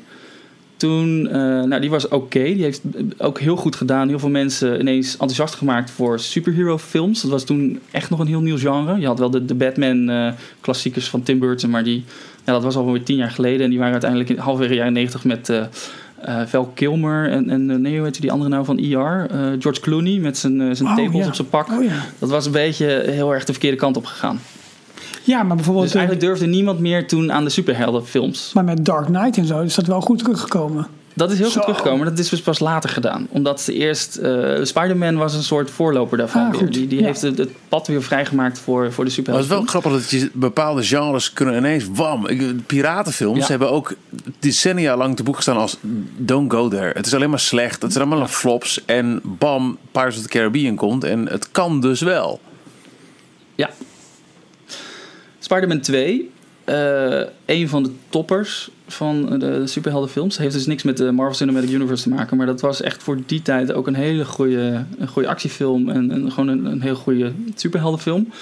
Die... ehm, daar hebben ze in Spider-Man 3 een beetje om zeep geholpen. Dat, dat, het succes van Spider-Man 2 heeft Sp- Spider-Man 3 om zeep geholpen... doordat de studio zich veel meer ging inmengen.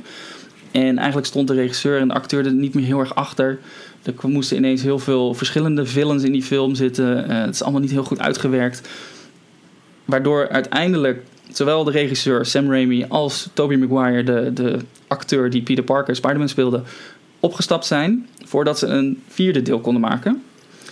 En toen eh, schoot Sony een beetje in de stress. Want Sony had eh, de rechten op Spider-Man tot een zekere hoogte. Ze moesten binnen een bepaalde tijd moesten ze een nieuwe Spider-Man film uitbrengen. Anders zouden automatisch de rechten weer teruggaan naar Marvel. En dat wilden ze niet. Dus wat ze toen uiteindelijk gedaan hebben... is eh, de, de hele franchise gereboot. Dus ze hebben gezegd... oké, we huren een hele andere acteur. We gaan met een andere regisseur een hele andere kant op. Maar het stomme wat ze daarmee gedaan hebben... is het, eigenlijk het verhaal van Spider-Man 1 weer helemaal opnieuw vertellen. Dus hoe is Peter Parker Spider-Man geworden? Ehm, zijn oom is doodgeschoten. Dat is inmiddels al een, een, een bekend verhaal en ook heel erg uitgekoud. Dat kwam dus in die film weer terug. Maar dat zat veel te dicht op die, die, die eerdere trilogie. Waardoor, ehm, waardoor die filmfranchise ook een beetje... Ja, werd niet heel goed ontvangen. En Toen hebben ze wel een, een tweede film gemaakt, The Amazing Spider-Man 2.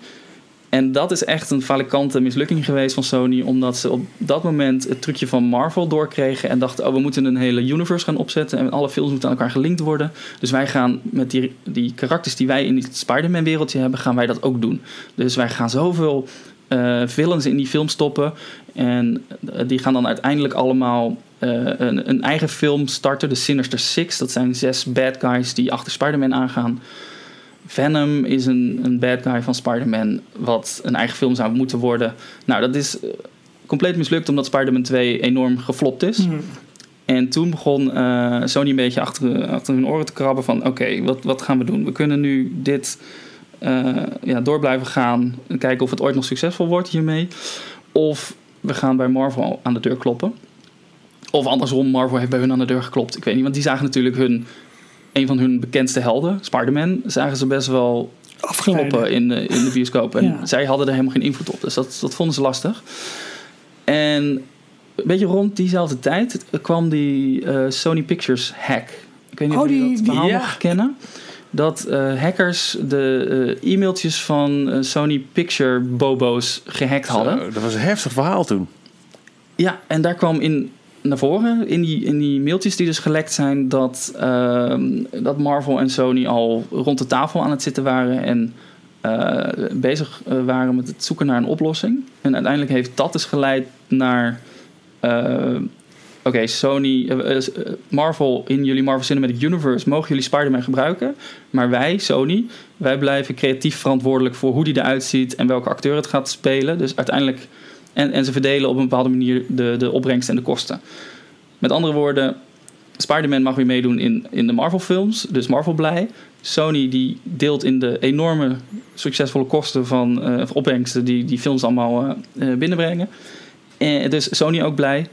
En ja, dat is een beetje wat, wat Marvel nu dus eigenlijk, of Disney, meer probeert te doen met andere studio's waar de karakters ook niet helemaal. Maar dit is voor mij wel een vraag. Was het een hack of was het een lek? Ja, dat, dat weten we niet. Nee. Hey, Volgens mij is het een hack geweest. Oké. maar- Maar goed, dat, en, en je ziet bij Spider-Man ook wel eens, eh, en ook bij, bij de andere films, dat de term wordt gebruikt een origin story. Ja, Wat, wat, Ja, wat dat houdt dat dus precies in? Nou, een origin story, ehm, daar waren ze vooral in de beginperiode van de superheldenfilmgenres heel erg van. Dat is een verhaal waarin je gewoon letterlijk uitlegt hoe, die, eh, hoe een bepaald figuur tot die superheld is gekomen. Oké. Het verhaal origin story van Spider-Man is dat hij op de high school een, eh, een uitje had naar een, ehm, eh, een science lab. Ik heb gebruik weer heel veel Engelse woorden, maar... Hij gaat op Een schoolreisje wetenschappelijk naar een, eh, een wetenschappelijk laboratorium. Dankjewel, Ralf. En dan wordt hij gebeten door een, eh, een radioactieve spin. En dat geeft hem eh, spinnenkrachten. Oké. Waardoor hij ineens eh, heel snel is, heel sterk is, tegen muren op kan lopen. En doordat hij. Er zijn dus verschillende origin stories. Dat, dat ook ehm, eh, eens in de zoveel tijd wordt in de comics zo'n verhaallijn ook weer helemaal gereboot. En dan gaan ze weer opnieuw dat beginverhaal schrijven. In de Sam Raimi trilogie, die films, kon eh, Peter Parker. Die kreeg een soort klieren in zijn pols. Waardoor hij dus die webben kon afschieten. Mhm. Maar in de oorspronkelijke eh, comics en ook in, die, in de, nu de, de nieuwe variant van, van Spider-Man heeft hij zelf webshooters ontwikkeld. En dat zijn gewoon soort polsbandjes waar sp- speciaal webfluid in zit waarmee hij dus die, die webben kan afschieten. En dat heeft hij zelf ontwikkeld omdat hij heel erg slim is. En het is gewoon een WizKid. Oké. Dus daar, daar kan af en toe nog wel eens verschil in zitten. Ehm, eh, wat ik nog even. ja, ik zit even te denken, want we waren natuurlijk gebleven bij Captain America Civil War, Ja. waar, die, eh, wa- waar, die, waar die in voorkwam voor de eerste keer. Ehm, dat was eigenlijk het begin van de derde fase van de films. Daarna gaan we door naar Doctor Strange. Ja, Doctor Strange. Eh, Benedict Cumberbatch. Ja. Ook wel gerefereerd als ken dit Bumbercatch of Camberbit Humberbuff of nou goed, Oh, maak ik zag al- vandaag Beenham komkommersalade. Precies. Eh, je hoeft Twitter of eh, Reddit of welk forum dan maar ook op te slaan en hij heet elke keer anders. Dat vind ik een fantastische meme op zich. Ja. Maar goed, hij, hij speelt Doctor Strange. Ja, eh, Dr. Stephen Strange. Dit was weer zo'n zo'n film in een... eh, nou, dit was dan in het najaar van 2016 dat hij uitgekomen is. Maar eh, waarin ze een nieuw karakter, een nieuwe wereld wilden gaan introduceren... die dan later een rol zou krijgen in alle andere grote films. Maar zijn verhaal hier staat nog redelijk los van, ehm, van Infinity War... of van de, de, de hele Avengers franchise. Op één punt na... Hij heeft beschikking over één van de Infinity Stones Oh, waar Thanos, Thanos naar op zoek is, namelijk die van de tijd. Hij kan namelijk de tijd eh, beïnvloeden. Wat misschien nog zelfs wel een heel belangrijk onderdeel gaat worden in, in Infinity War. Weet je al iets van de verhalen van Infinity War eigenlijk? Nee, weinig. Dat, dat, dat is een weinig. Dat under zijn wraps vooral- allemaal nog. Het is heel erg, eh, eh, wordt heel erg geheim gehouden. En er gaan wel wat geruchten en gewoon wat voorspellingen op basis van karakters die al bekendgemaakt zijn. Er is wel bekend, maar ook nog niet wie of wat, dat er eh, waarschijnlijk toch wat, wat mensen, wat belangrijke eh, main characters eh, de film niet gaan overleven. Die, gaan, die worden uit de Cinematic Universe geschreven, ook omdat ze dat zelf willen, omdat ze al tien films gemaakt hebben of zo. Maar, Maar, ehm, Ja, Als de acteurs, dat is is één ding. Maar je kunt toch niet zomaar een superheld af, afserveren? Dat kan heel makkelijk. Eh, Maar, huh? Nou ja, kan heel makkelijk. Maar ja, nee, dat kan prima. Want sommige superhelden kunnen gewoon overgenomen worden door iemand Dat anders. is nooit echt begrepen. Wat- eh, Bijvoorbeeld ook, nou, de, eh, uitstapje, Batman. Eh, dat heb ik ook een, hele poos heel interessant gevonden. Eh, omdat, eh, nou ja, wat- er waren op een gegeven moment echt wel heel toffe films. De, in de tijd dat dat Prince die, die soundtrack en zo deed. Eh, toen zat ik helemaal in Batman. Ik vind ook die, die eh, ja, de, de, de Prince heeft die van, van een hele Batman film heeft hij de soundtrack gemaakt. Bad Dance en zo. Oh, ik ken alleen Seal met... eh, Nee, nee. Kiss- Bad Dance, Kiss dat is fantastisch. Ehm anywho, eh, dus daar ben ik ook een beetje in gaan verdiepen. In, in, met diezelfde interesse die we net eh, bespraken van... je wil het echt heel tof vinden in de comics. En ik heb wel eens begrepen dat Batman in de comicsreeks... echt al zo vaak is overleden, gestopt. Dan ging Robin Een soort weer goede tijden, slechte tijden. Maar hoe, hoe, hoe je- zouden ze in principe in Infinity War kunnen zeggen... Nou, eh, pff, pak er eens één. Black Widow, doei. Die, is- die is dood. En dan toch over een paar jaar zeggen... Eh, guess what?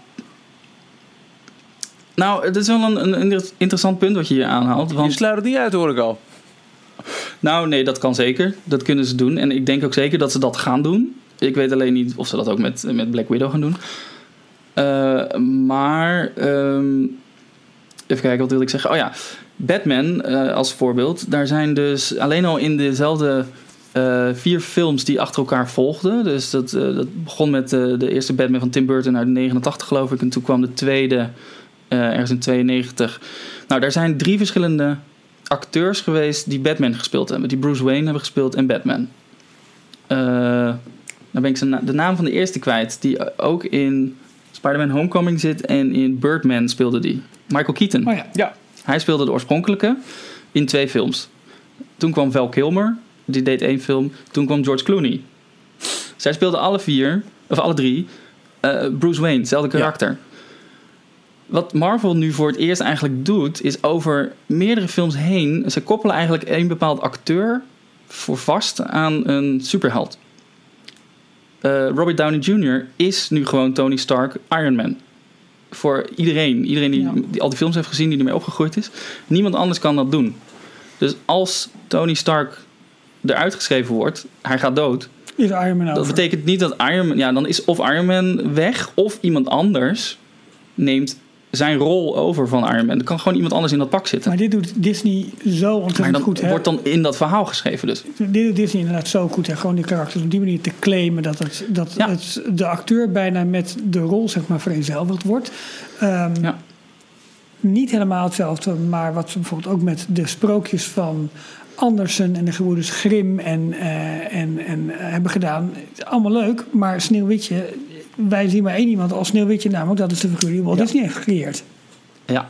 ja, ze claimen dus ook heel erg Gewoon, de, de, dat is de- de marketing. look, gewoon Ja. hoe die eruit ziet. Dus Ja. eh, het is leuk dat ze, dat ze Marvel destijds voor 4 miljard dollar hebben overgenomen. Maar zij, wat ze daar aan marketing en aan branding en dan weet ik het wat allemaal tegenaan hebben gegooid, is natuurlijk fenomenaal veel geld. ja, maar het heeft zich inmiddels echt al wel dubbel en dwars tuurlijk maar het is niet, niet zomaar dat het lukt. Nee, klopt. Ik, ik moet eerlijk zeggen, als ik bij, aan Infinity War denk, zie ik alleen maar die hele grote scène als een soort Run Disney on steroids. Waar al die superhelden door, de, door, die, door die grote open vlakte op, op de camera afrennen. En met Hulk Ja. in het midden, Black Panther die er nog bij komt. En dan denk ik van, mijn god, dat wordt het in melee aan, aan, aan, aan... Nou, aan ja. kracht. ja. we- Zullen we nog even eerst... Ja, doe maar. we zijn er bijna doorheen. Ja. Want anders gaan we weer te veel eh, Guardians, afwijken. tweede deel, komt na Doctor Strange. Na Doctor Strange. eh, Guardians of the Galaxy Volume 2. Die hebben jullie wel gezien? Nee, heb ik nog niet gezien. Oh, heb je niet Nee. gezien? Oké. Eh, vervolg op, op Guardians of the Galaxy was zo'n succes dat er een, een vervolg eigenlijk wel, wel logisch was. En daarmee begonnen ze ook al iets meer de, de Guardians wat richting het Avengers verhaal te, Hm. te sturen. Want hoe komt Guardians of the Galaxy, die zich heel ergens anders in het universum, eh, wat zich heel erg anders afspeelt, hoe komen die ineens weer betrokken bij The Avengers? Zich door toch allemaal op aarde Waarschijnlijk door een Infinity. Stone. We gaan het zien. Oké. Ehm, toen kwam, en dit vind ik, nou ja, dan vertel, verklap ik het al, maar dit is een van mijn favorieten nu. Eh, Spider-Man Homecoming. Ehm, geïntroduceerd is in Captain America Civil War een nieuwe Peter Parker, een jongere, Tom Holland, een, een Brits acteur, speelt hem. Eh, dit is eigenlijk, een, eigenlijk weer een Spider-Man die gewoon in high school zit en die dus ook een homecoming dance heeft. En eh, de kracht van deze film is. eh, dit is een film die door, door Sony helemaal geproduceerd en uitgebracht is. Maar hij valt wel in de Marvel Cinematic Universe. Want Tony Stark speelt bijvoorbeeld een hele belangrijke Oh, rol. ja. Dat is de mentor van Peter Parker. Ehm, En Spider-Man dus ook. Ehm, de kracht van deze film is eigenlijk dat al die andere films zijn heel erg groot en allemaal aliens die aankomen. En het speelt zich allemaal in, buiten, buitenaardse eh, werelden af. Dit speelt zich allemaal af in New York op een high school. De eh, bad guy is een, gewoon een lokale bad guy. En het linkt, ze hebben het heel knap teruggelinkt naar eh, de allereerste Avengers film. Want de bad guy, Vulture, die, eh, die heeft een bedrijf om de schade van The Attack of New York om dat op te gaan ruimen. Dus het opent ook met een paar weken nadat die hele uh, uh, battle geweest is. Dat er nog allemaal puin overal ligt. En dan is hij dat met zijn bedrijfje aan het opruimen. En daar ligt dus ook nog wat alien technology van die beesten. Mhm. Dat stilt hij. En daarmee kan hij in iets van 18 jaar of zo... Kan hij het, uh, dat misbruikt hij, die alien tech, om um, hele high-tech apparatuur te maken waarmee hij gewoon kleinschalig, nou eigenlijk wel steeds groter, maar allerlei inbraken gaat, gaat doen. Hmm. En dat gaat Spider-Man tegenhouden. En het, het, is, het is heel erg uh, klein, lekker dicht bij huis. Uh, dus de, de, regisseur is geïnspireerd op alle John Hughes films. Um, dat is een andere regisseur achter um, Ferry Bueller's Day Off. Ja. En uh, Breakfast at Tiffany's? Nee, dat is een andere film. Hoe heet die nou, die andere? Die Brad Pack-achtige films. Ja, dus heel erg uh, 80 high school, groepen. college, ja. ja. Ja, en dat, dat, dat merk je gewoon aan alles. Dus dat, uh, ja, echt een, een van de toppers. Persoonlijk dan. Ja. Um, dat was uh, afgelopen zomer. En afgelopen najaar kwam Thor Ragnarok. Ja. Die staat ook echt heel erg hoog op mijn lijstje. Die vond ik Thor echt Ragnarok. fantastisch. Ik vond hem ook fantastisch. Het is het, het, het, het, slimme wat ze hier gedaan hebben is uh, Thor 2, The Dark World, was heel erg donker en echt er zat een heel groot verhaal in en allemaal moeilijk, moeilijk, moeilijk. Uiteindelijk hebben ze een regisseur uh, genomen, uh, gekozen, Taika Waititi. Een Nieuw-Zeelandse regisseur die nog nooit zo'n grote mega-blockbuster had gemaakt. Maar die is heel erg bekend van een beetje arthouse-achtige films. What We Do in the Shadows is een, een, film die je echt moet kijken van hem. Dat is een, een mockumentary over vier vampieren die in Wellington oh, in Nieuw-Zeeland leven. Uh, die dude van uh, Flight of the Conchords. Want ja, hij heeft ook uh, enkele afleveringen van Flight of the Conchords ge geregisseerd. Lekker. Hij is zeg maar een hele goede. Nou ja, als je de Flight of the Conchords dus geweldig vindt, dan vind je Thor Ragnarok ook geweldig. Oh, oh serieus? Um, ja, Zit het ja, in ja. die league? Ja, hij heeft die we moeten nu uh, even uitleggen. Want, want, volgens mij zijn wij de enige twee. een beetje in Nederland. Dat is niet helemaal waar. Ik was laatst Nee, gast bij een andere podcast en daar ging het ook over. Um, Flight of the Conchords is een, um, een, uh, een, een, een reeks van uh, HBO, was het toch? Ja. Over een fictief Nieuw-Zeelands volkduo. Wat vooral heel erg grappig was. Nou, fictief. Ze, ze, ze treden ja, echt dat is op. waar. Ze gaan de hele nee, wereld ja, over. maar Oké, okay, ja. Uh, nou dat. Het is vooral heel erg... Het is echt super grappig. En... Ze wilden het gaan maken in New York. Dus ze hadden een appartement gehuurd met z'n tweeën. Ja. En uh, dan moesten ze bij de... Uh, hun bandmanager, die werkte bij de Nieuw-Zeelandse ambassade. Maar die zat gewoon in zijn eigen kantoortje. Bandmeeting, ja. En er zat zo'n zo hele droge ondertoon in. En dat zit dus in Thor Ragnarok ook. En uh, Disney Link, uh, Jermaine Clement van Flight of the Conchords heeft, heeft voor mij de laatste keer werd benoemd, dit in, in details, ja, ja. Voor de Muppet films liedjes geschreven. Oké. Okay. Nee, andere link. Hij is de grote crab, de krab uit Moana. Hij is de crab. Ja, ook weer. Goed, back to you. Ik, sorry, ik liet je enigszins afdwalen. Nou ja, Taika Waititi. Zoek hem op. Hij is ook echt geniaal in allerlei interviews ik ben fan van hem geworden sinds uh, onder andere deze film en What We Do in the Shadows. En hij heeft ook een andere film, uh, de, de Hunt, Wild on... Nou, weet ik even niet meer hoe die nou precies heet, maar die ga ik ook nog kijken. Top. Goed, uh, wat ze dus gedaan hebben is een soort van zachte reboot gegeven aan Thor. Thor was een hele serieus film over allerlei aliens, Noorse mythologie zat erin verweven. Moeilijk, moeilijk, moeilijk. Zet er zo'n enorm komische regisseur op. Thor, dat is Chris Hemsworth, dat is een acteur die ook echt wel komisch is in het echt. En uh, ja, er komt gewoon echt een hele grappige, leuke film uit. Met enorme jaren tachtig invloed. Uh, dat is dan weer heel erg gebaseerd volgens mij op het Guardians of the Galaxy succes. Ja. Een beetje datzelfde sausje heeft, uh, heeft deze film. En dat hebben ze denk ik ook expres gedaan, omdat voor Avengers Infinity War zijn Thor en Guardians of the Galaxy... die zijn nu met elkaar gelinkt, zeg maar. Dus die aan het einde van Thor Ragnarok komen die elkaar Oké, tegen. dus ik heb, ik heb Guardians of the Galaxy 2 gezien. Dus als ik voor deze week nog even kijk, sowieso. Dat, dat helpt al. Eh, dat helpt zeker. En ik, ik eh, ja, het is, zo, gewoon- het is sowieso een Ja. leuke film. Ehm, hoe heet die? Eh, Jeff Goldblum zit erin. In echt een geweldige Ja, rol. Nou, de- overal waar Jeff Goldblum in zit, Maar de Hulk Dan, is ook goed is in die deze film de Hulk, ja, ja. Fantastisch. Ja, je hebt hem gezien dus. Ja, ik vond hem fantastisch. Oké. Ja. Ja. Oké, oké, oké, oké, oké. Ja, ik twijfel. Misschien staat die zelfs wel op nummer 1. Die of Spider-Man Homecoming. Ehm, dat was afgelopen najaar. Dit voorjaar, nog niet eens zo lang geleden, Black Panther. Heeft het heel erg goed Nou, gedaan. bedankt. Verrassend Holy goed. shit. Doe, doe het heel goed. Ja. En eh, met name natuurlijk voor de, de black community in, in Amerika en, en eigenlijk overal ter wereld. Eh, zij hebben nu eindelijk ook echt een superhero waar ze naar op kunnen kijken. En eh, ja, top. En Black Panther schijnt ook een, dat is in ieder geval aan de trailers van Infinity War af te lezen, schijnt een hele belangrijke rol te spelen in, eh, in Infinity War. Want dat hele ge- gevecht en dat, eh, dat shot waarbij ze met z'n allen als Run Disney eh, op de camera af ziet Zie je lopen, dat speelt toch, zich af Ja. dat speelt zich af in Wakanda. En Wakanda is een, de Afrika, het Afrikaanse land waar Black Panther vandaan komt. En dat is een. daar komt een bepaald element vandaan. Vibranium, dat is een soort eh, supersterk staal. Dat is waar het schild van Captain America bijvoorbeeld van gemaakt is. Ehm, dat wordt daar in dat land gemined, dus uit de mijnen gehaald.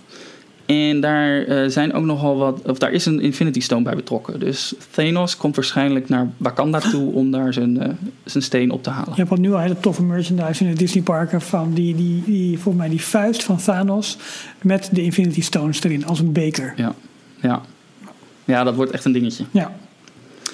Nou, en dan zijn we bij, eh, bij april eh, 2018 aanbeland. En, eh, Avengers Infinity War. Dat is dus de, de eh, ultieme samenloop van alle verhaallijnen die, eh, die bij elkaar komen. En ehm, een enorm gevecht gaan, eh, gaan creëren tussen Thanos en alle Avengers bij elkaar. En eigenlijk, dus die Thanos die zat al ergens in, eh, ik geloof Iron Man 2 of Thor. Ik geloof Thor. Dus, eh, dus ergens in het eerste, de eerste fase van, van Marvel zat al een endcredit scene waarin hij in beeld was. En in de rest van al die films, dus 18 in totaal tot nu toe, Mhm. is er maar naar dit moment toegeleefd of toegewerkt. Dus alleen daarom al moeten we deze film gaan kijken volgende week. Ja. Ja. Hey, en Maar dan gaat het, dan houdt het, ja, dan, dat sluit een beetje deze fase af. Maar dan gaan we natuurlijk Maar- weer fase 4 in. Ja, maar dat is dus nog niet aan Nee, want het ligt ook aan hoeveel mensen er af worden geslacht in deze film. Ja, oorspronkelijk was dus het idee... we gaan Ave- Avengers Infinity War 1 in 2018 doen... en Avengers Infinity War 2 in 2019. Dat slot hebben ze al eh geclaimd, zeg maar... van we gaan dat jaar daarna gaan we een tweede film opnemen. Die films hebben ze ook al opgenomen, back-to-back... Dus eh, met één productie achter elkaar eh, alle eh, opnames ge- gemaakt. Maar ze hebben uiteindelijk besloten om toch maar het verhaallijn van Infinity War in één film te proppen en af te sluiten. Volgens mij wordt het ook echt een enorm lange film van echt een paar uur. hm, oké. Dus twee, twee à drie. Ehm, en ze willen een soort van. in, in die tweede Avengers film, die nog steeds 2019 uit gaat komen, willen ze waarschijnlijk een soort reboot van: oké, en wat nu? Hoe gaan we nu verder? Welke, welke heroes zijn er nog over? Wat gaan we daarmee doen? Ehm, en de grap is dat in de tussentijd, voordat die, die tweede film uitgekomen is, zijn er weer twee films eh, eh, uitgekomen: Ant-Man en the Wasp, oftewel deel 2 van Ant-Man. En Captain Marvel. En Captain Marvel is, eh, dat is nog een van de onbekendste voor mij. Dat is een vrouwelijke superheld, superheldin.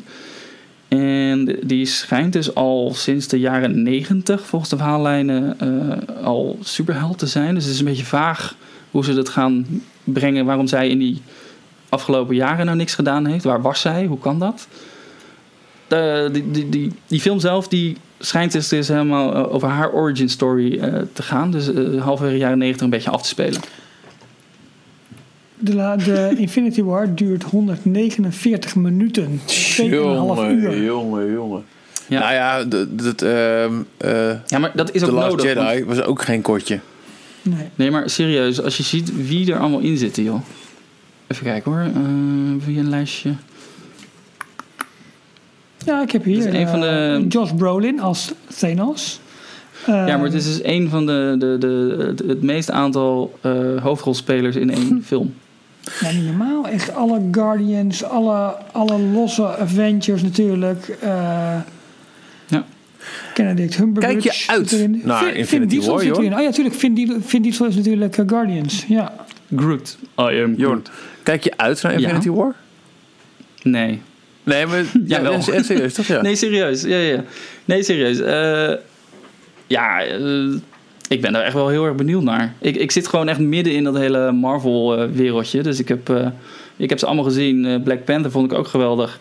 Dat was al echt weer een opstapje naar... Oké, en dan nu Infinity War. Ik ben gewoon benieuwd wat er gaat gebeuren. En hoe, wat Thanos nou gaat doen. Of hij die stones allemaal eh, in zijn handen krijgt. En wat dat kan ook. Dat, is, dat hij misschien wint aan het einde van deze film. Is alles afgelopen. Doei. Ja, wie weet. Misschien wel. En dan moeten ze helemaal opnieuw beginnen. Ik, ik weet het niet. Ik, ik hoop ergens een beetje, maar dat zal wel niet, maar op zo'n Game of Thrones effect. Waarbij je, de- al ben je hoofdrolspeler in, in de serie, dat wil nooit zeggen dat je ook het einde van het seizoen Ja. gaat. Leg heel even kort aan Michiel Game of Thrones. Nee, uit. maar dit heb ik ook al in 24 gehad. En eh, in Ja, Homeland. ik, er en weer- weet ik ik, veel. spoil, ik Ja. spoil al te veel. Hey, ehm, ja. Maar ik, ik denk, Johan, dat je hiermee echt wel een goede uitleg hebt gegeven aan de Marvel Cinematic Universe. Ehm, Ik hoop het. We hebben, wij zijn zelf een enorm pretparkliefhebber. Eh vele luisteraars van ons zijn dat ook. Hoe zit dat nou in godsnaam met die... We hebben het al eens vaker overlegd, maar nu we het toch over Marvel hebben... waarom vinden we Marvel wel terug aan de westkust in Europa... maar niet in Walt Disney World? Waar heeft dat mee te maken? En kan Universal daar vrolijk met zijn Superhero Island in Islands of Adventure... ehm, wel de, eh, de sier mee maken? Ja, dat komt door het, eh, het geweldige eh, waterdichte contract wat Universal met Marvel heeft gesloten. Nog ver voor de deal van, eh, van Disney, toen Disney Marvel over zou nemen. Ja. Voor het tweede park wat ze in Orlando gebouwd hebben, Islands of Adventure, waren ze op zoek naar een, ehm, een, een ehm, provider van superhelden. Want ze wilden een, een deel, een land van dat, binnen dat park helemaal wijden aan, eh, aan superhelden. Eh, ik heb onlangs een, een heel interessant artikel ge- gelezen met wat concept art. Dat ze eigenlijk DC met Batman heel erg voor ogen hadden. Ze hadden ook Maar al bijna een, een heel contract met ehm Hanna-Barbera. Dat is dat, dat, dat eh, Ah. J-Banks, eh hebben we eens eh, eerder genoemd. Oh, het ja, boek ja, over boek, de, ja. de man die eh, eigenlijk begon als... Oké, we gaan de Universal Studio Tour gaan we, gaan we een, a- een toeristenattractie van maken. Dus daadwerkelijk de tour in de Hollywood Studio. Eh, die echt ook, nou, sowieso heeft hij jarenlang gestreden om, om iets in Orlando te mogen doen als concurrent op, eh, op Walt Disney World. En er staat, nou, het is een fantastisch boek waarin ook wordt gezegd welke grote namen er allemaal al de revue passeerden om in Islands Adventure neer te zetten. En was het iets kindvriendelijker geweest, dan hadden ze daarmee gewoon één grote concurrent voor het Magic Kingdom willen maken. Maar dat is er niet gelukt. Ze hebben wel inderdaad heel veel van die Marvel characters eh, binnen weten te halen. Ja, ja en Dr. Seuss uiteindelijk ook. Ja. Voor de kinderen dan. Ehm, ja, maar eh, Marvel, eh, dat was allemaal jaren, eind jaren 90. Eh 99 is Islands of Adventure geopend. Er was net die periode dat Marvel een beetje eh, aan het eh, eh, characters aan het weggooien was. Of eh, franchises aan het eh, rondgooien was voor iedereen die maar een klein beetje geld eh, naar ze toe gooide. Dus alsjeblieft, willen jullie ze in de pretparken hebben? Hier, geen probleem. Waardoor ehm, eh, Universal nu een enorm sterk contract heeft eh, eh, getekend met Marvel. Waar letterlijk in staat alles ten oosten van de Mississippi. De, de grote rivier die eh, dwars door Amerika kruist. Eh, alles ten oosten daarvan. eh, daar mag eh, Universal alleen maar Marvel karakters gebruiken. En elk ander park mag dat niet. Ja. En voor Disney is dat erg zuur. Want hun grootste pretpark eh, imperium ligt natuurlijk op steenworp afstand van Universal in Orlando. En dat is ten oosten van, van de En volgens Mississippi. mij de afgelopen weken hebben ze de, de characters die rondlopen in het park nog een keertje vernieuwd. Waardoor ze nog weer beter aansluiten. En ja, ze daar, daar ja, gewoon gemarkt kunnen worden in de Universal parken. Terwijl ze in de films alleen maar eh, voor Disney. Maar uiteindelijk acteren. lacht Disney ook wel deels, want Universal betaalde wel nog steeds eh, rechten voor het gebruik daarvan. Ja. Maar die deal die is tot in de eeuwigheid. Nou zijn er wel... Zolang, zij, zolang zij attracties open houden, dan eh, heeft Disney niet het recht om de licenties terug te nemen. Nou zijn er eh, uitzonderingen. Hij zegt zelf wel alles ten oosten van de Mississippi. Dat is voor Universal. Maar eh, bijvoorbeeld eh, in Disneyland Anaheim. eh, en het geldt Ja. ook voor Hongkong. En voor Disneyland Parijs zijn eh, onlangs nog eh, hele reeksen aan Marvel-attracties eh, eh, aangekondigd. Eh, en ook voor Orlando zijn er loopholes. Want er komt Ja. een Guardians of the Galaxy coaster in Epcot. Hoe kan dat dan? Ja, dat blijkt dus, eh, dat is het, die loophole waar al die eh, lawyers, eh, advocaten van Disney natuurlijk bovenop zitten. In het contract staat dat de karakters plus hun families, en met families wordt bedoeld alle karakters die met zo'n superhero te maken hebben, plus hun bad guys. die mogen dan alleen maar gebruikt worden in dat park en uitgesloten voor gebruik in elk ander park. Guardians of the Galaxy die komen niet voor in eh, Marvel Superhero Island in Islands of Adventure. Dus dat is een van die karakter, eh, familie eh, karakters waar Disney dus wel iets mee kan. En men denkt dat dat ook een van de redenen is geweest dat Disney de Guardians of the Galaxy zo prominent een eigen film heeft gegeven en heel veel bekendheid heeft willen creëren, zodat, zodat ze in ieder geval iets hebben om ook in Orlando neer te gaan zetten.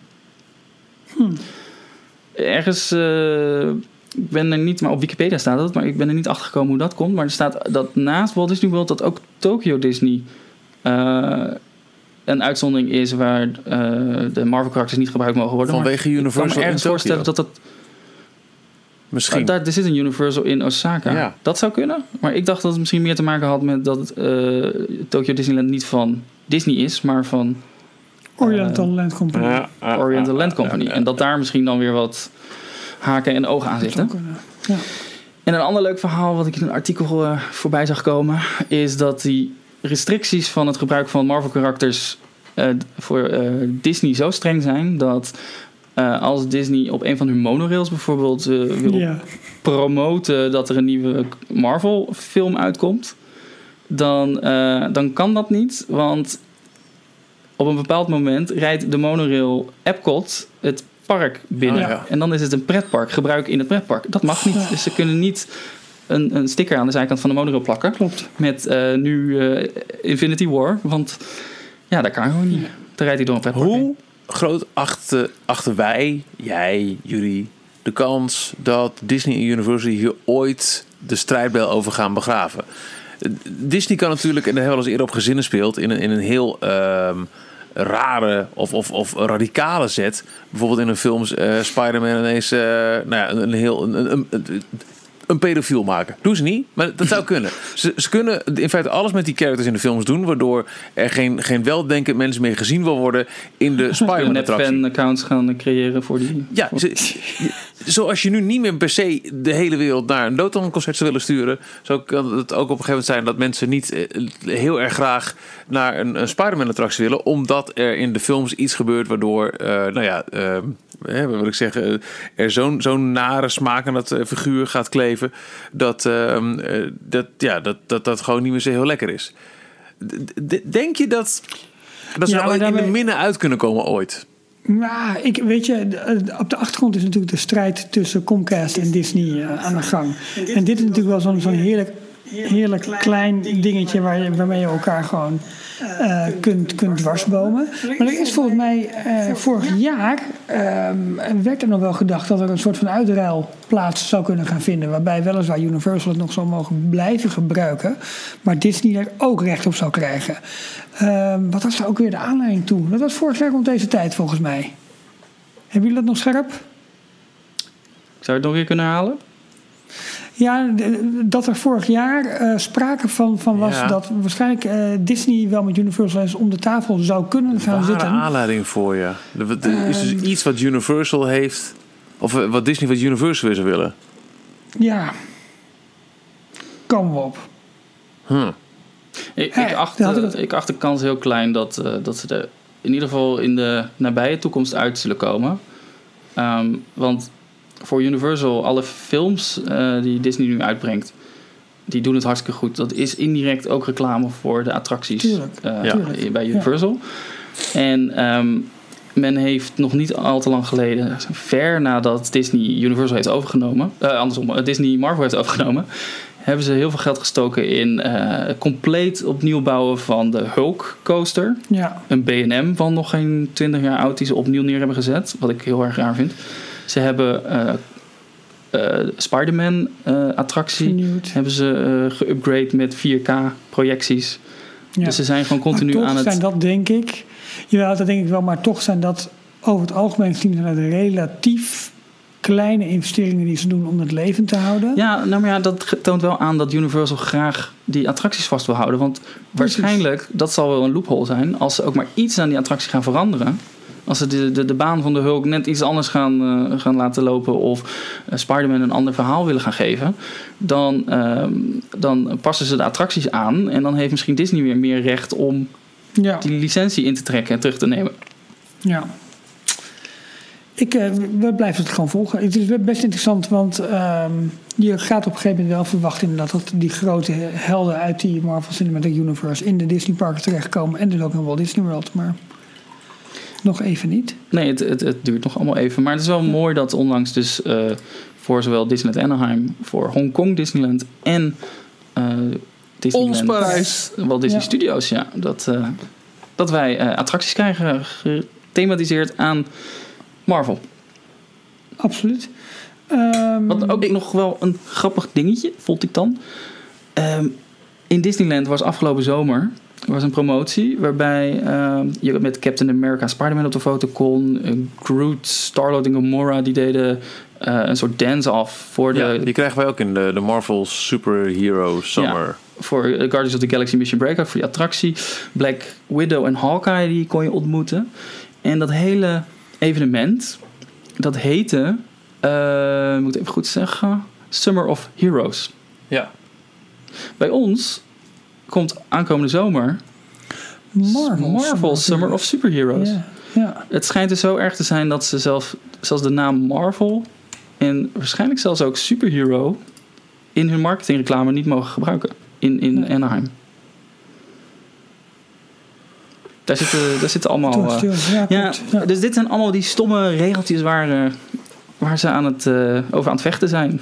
Ja, heel ja, kinderachtig toch, ergens. toch, de- Disney zal er ook wel een soort van vertrouwen in hebben. Ja, het, het geld verdienen ze met, met, met gigantisch succesvolle films. Want eh, nou, op een paar na zijn het echt allemaal gigantische blockbusters. Eh, maar toen ze Marvel aankochten, wisten ze ongetwijfeld, dus ongetwijfeld uitgezocht van de, de East of the Mississippi regel. En eh, kennelijk als het of de moeite waard om daar omheen te werken, of ze zien daar nog wel toekomst in. En dat, eh Nou dat ja, het, het, maar. het raakt één resort van de zes die ze inmiddels hebben. Ja, wel, de- wel, wel paradepaardje. Dat hè? wel, dat wel. Ja. Ik ben bij. Ik ook. Nou, ik ik wil nog heel kort even uitbreiden, uitweiden over. ehm, we hebben nu heel die Marvel Cinematic Universe eh, verteld. En we zien nu langzaam de eerste attracties verschijnen. Hongkong heeft Iron Man Experience gekregen. Waarbij je met, eh, achter Iron Man door Hongkong gaat vliegen. En eh, bepaalde eh, bad guys te lijf gaat. Ehm, Guardians of the Galaxy Mission Breakout in California Adventure. Dat is nu de, de, een van de, de, de tweede attractie. Ehm, tijdens de ontknoping van Guardians of the Galaxy Mission Breakout lag toch dat was er zo'n mislukte viral campagne waarbij er wat mensen in witte die, pakken Met die, ja. ja die waren wat raars aan het doen bij een busje van Shield geloof ik en daar lag een, een, een, een ja hoe zeg je dat het logo van de Avengers lag in de in de berm begraven dat is een of ander eh, zo- zo'n luik naar een ondergrondse bunker ja. dat schijnt dus een hint te zijn naar. eh, we gaan meer attracties maken van Marvel. Er komt hier een heel Marvel Land. Mhm. Met een Ant-Man Land waarschijnlijk. ja, precies. Ja. Ehm, maar wat eh, destijds aangegeven werd, wat wel belangrijk is. Ze, eh, het is gebaseerd op de Marvel Cinematic Universe, maar het is de Marvel Theme Park Universe. Ze gaan voor de parken gaan ze dus een iets andere tijdlijn aanhouden, zodat ze veel minder vastzitten aan grote gebeurtenissen die bijvoorbeeld in de filmserie eh, voorkomen. Stel, alle Guardians of the Galaxy karakters gaan dood, dan zitten ze daar met hun Mission Breakout Ja. attractie. Wat moeten ze dan? Dus eh, ze proberen nu een eigen eh, verhaallijn op te zetten, specifiek voor de, voor de attracties, zodat die Ja, wel een beetje aan elkaar kan. gelinkt kunnen worden. Want we, we, we kunnen in de Disney parken ook op de foto met Darth Vader. En die is ook al enkele films geleden overleden. Dus Ja. Niet verklapt meer. Ah, joh. Ja, dat is- ja, weet je. En, nou, het is nu en- nog alleen, Nee, Michiel. Oké, nog een spoiler. Beast aan het eind van de film verandert weer terug in een prins. En je kunt Beast... Weet je, dus in de, in de theme park werelden ga je al door verschillende tijdlijnen heen. Dat vind ik niet zo heel erg. Terwijl het toch elke keer heel raar wordt gekeken als ik op Sneeuwwitje probeer te kussen. Is ook helemaal niet erg, maar wat wel interessant is, van, ehm, kunnen ze dan ook iets andere versies van de karakters gaan gebruiken? Want bijvoorbeeld Spider-Man, daar zijn echt, weet ik veel hoeveel verschillende eh, versies van zijn pak zijn er in, in omloop. In alle Ja. comics, in alle films, in alle eh, animatieseries. Welke kiezen ze voor, eh, voor de Parker? Er is nu al een walk-around character. Die lijkt voor geen meter op het pak uit de eh, Marvel Cinematic Universe Spider-Man. Het is toch gewoon blauw en rood. Nou ja, daar, dat doen ze dus. Maar dat geeft hun dus ook iets meer vrijheid om daar wat creatiever mee te zijn. Oh, oké. Dat wilde ik alleen maar even aangeven. Nou, ben je weer Ik heb, ik heb nu eigenlijk best wel zin in die, in die film volgende week. Ja. Ehm, ik, ik moet films gaan kijken. Nou ja, kom, ja, ik ga je zelf niet aan bijdragen, want ik kom echt niet verder dan drie.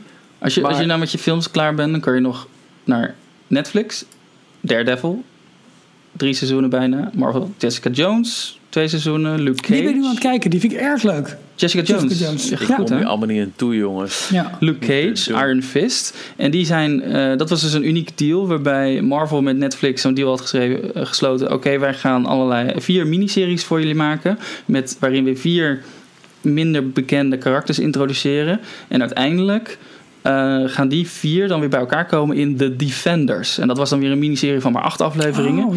Waarin die vier weer het, het nog grotere kwaad aangingen.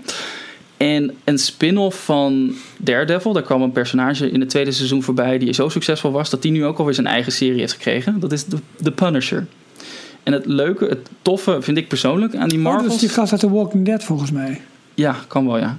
Ja. En eh, het toffe aan de Marvel-series vind ik, omdat het Netflix is, of sorry, aan de Netflix-series, omdat het Netflix is, zijn ze niet gebonden aan eh, ratings eh, en hoeven ze ook niet in de bioscoop zo uit te brengen. Dus die series, die zijn gewoon lekker hard. Er zit heel veel bloed in, er worden gewoon Zo, hoofden afgeknald. hatsie flatsie. en dat, dat is dus de grap, dat past ook allemaal in dat hele grote spectrum wat het Marvel Cinematic Universe is. Ja, het is allemaal wat donkerder ook en wat, wat, wat, Ja. wat, wat rauwer. Ook zonder het geweld. Wat zijn de beste films, Jorn? Ehm, ja, ik vind eh, dus eh, Thor Ragnarok heel erg goed. Spider-Man Homecoming. Guardians of the Galaxy. Hoeveel moet ik het noemen? Ik vond ook eh The Winter Soldier vond ik van de tweede fase echt heel erg sterk. Meer, mede ook omdat dat een, eh, een heel ander type film is. Het was eigenlijk bijna geen superhero film, maar meer dus zo'n zo'n eh, spionagetriller. En waar staat Black Panther bij jou? Ja, die staat niet zo heel hoog. Oké. En daar bedoel ik niks uh, discriminerend of zo mee. Ja, daar lijkt het natuurlijk wel op. Maar ik vond hem heel tof. Maar ik, eh, ja, ik heb er nog niet super veel mee. Super, leuk. nou, ehm, binnenkort, binnenkort eh, op het moment dat deze podcast uitkomt, duurt het nog een week. En dan eh, is Avengers Infinity War er. Ik ben in ieder geval een stuk wijzer nu. Als ik zo meteen met mijn bak popcorn op schoot in het Rode Plus Ja. plaatsneem. Ja, en dan gaan we gewoon tijdens die film elke keer gewoon karakters noemen. Gewoon, ik gewoon gewoon wild. Jorn, Jorn, Maar, maar Jorn. heb ik jullie overtuigd? Gaan jullie er iets meer in verdiepen? Gaan jullie... Nee. eh, Ja, mij wel. Maar ik was wel bezig dan met de Netflix-serie. Maar ik, ik nu wel zoiets dat ik ook de films misschien nog wel ook op volgorde allemaal een keer ga kijken. Misschien, hè? ja. Ik Ja, Nee, maar ik- je hebt me goed. wel meer voor geïnteresseerd. En ik begrijp Ja. Eh, eh, de lijn en het verband en het verhaal gewoon nu ook een stuk beter. Ik zou toch, als ik een aanrader mag doen eh, voor jou, Michiel... Spider-Man Homecoming zou ik kijken en Thor Ragnarok. Daar, Ja, nou, die passen die- denk ik die, allebei in jouw straatje.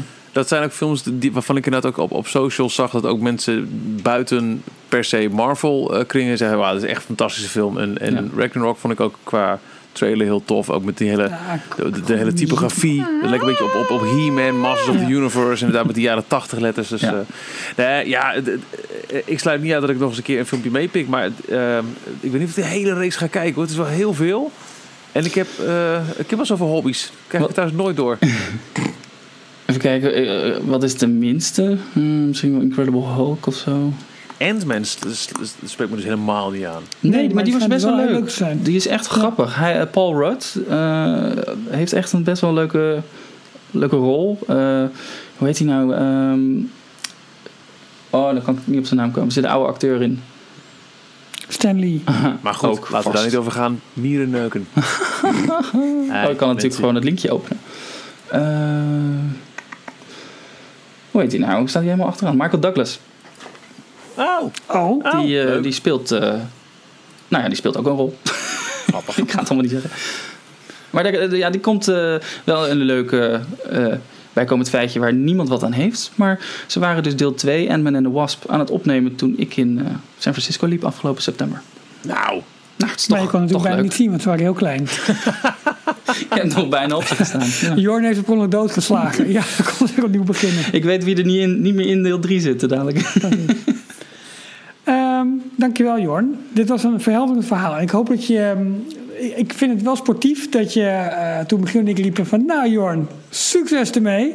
Dat je die, eh, dat je die vragen, die uitnodiging van ons met, met beide handen hebt, hebt aangepakt. En Ja. eh, ons, en ik denk ook een heleboel luisteraars... door dit woud van, van superhelden hebt, hebt kunnen leiden. En daar ben ik Nou, je graag gedaan. Heel erg dankbaar voor. We gaan, eh, volgende keer gaan we jouw eh, It's a Small World poppenverzameling eh bespreken.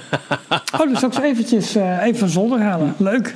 Eh, ook namens mij eh, dank Jorn, want inderdaad, het is, het is wel heel verhelderend dat je, je... Je kunt dus met een gerust hart naar de bioscoop gaan. Lijkt erop, we, we moeten nog zien hoe Infinity War is... zonder dat je per se alles gezien hebt. En je weet in ieder geval hoe het enigszins in elkaar steekt. Ja. Dus dank. En, ja, ik hoop dat ik het eh, helder gemaakt heb.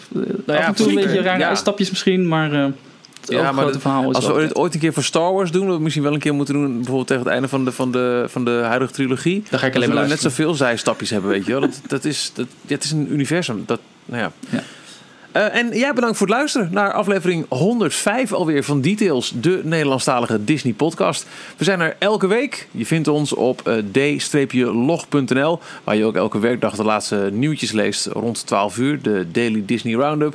En de podcast, de ene keer gaat het over het uitdiepen van een special en dan bespreken we weer alle nieuwtjes van de afgelopen tijd. Je vindt ons dus op d-log.nl en in elke podcast app die je maar fijn vindt en sinds een poos ook in Spotify. Als je zoekt op details, d-tails of d-log.nl of het eh, .nl kun je weglaten, dan kun je dus ook in Spotify sinds kort luisteren naar al onze voorgaande en komende podcasts. Jee. Bedankt voor het luisteren en tot de volgende keer. Tot de volgende week. Tot dan. Tot zover deze aflevering van Details. Check d-log.nl voor meer afleveringen. Vergeet je niet te abonneren en tot de volgende keer.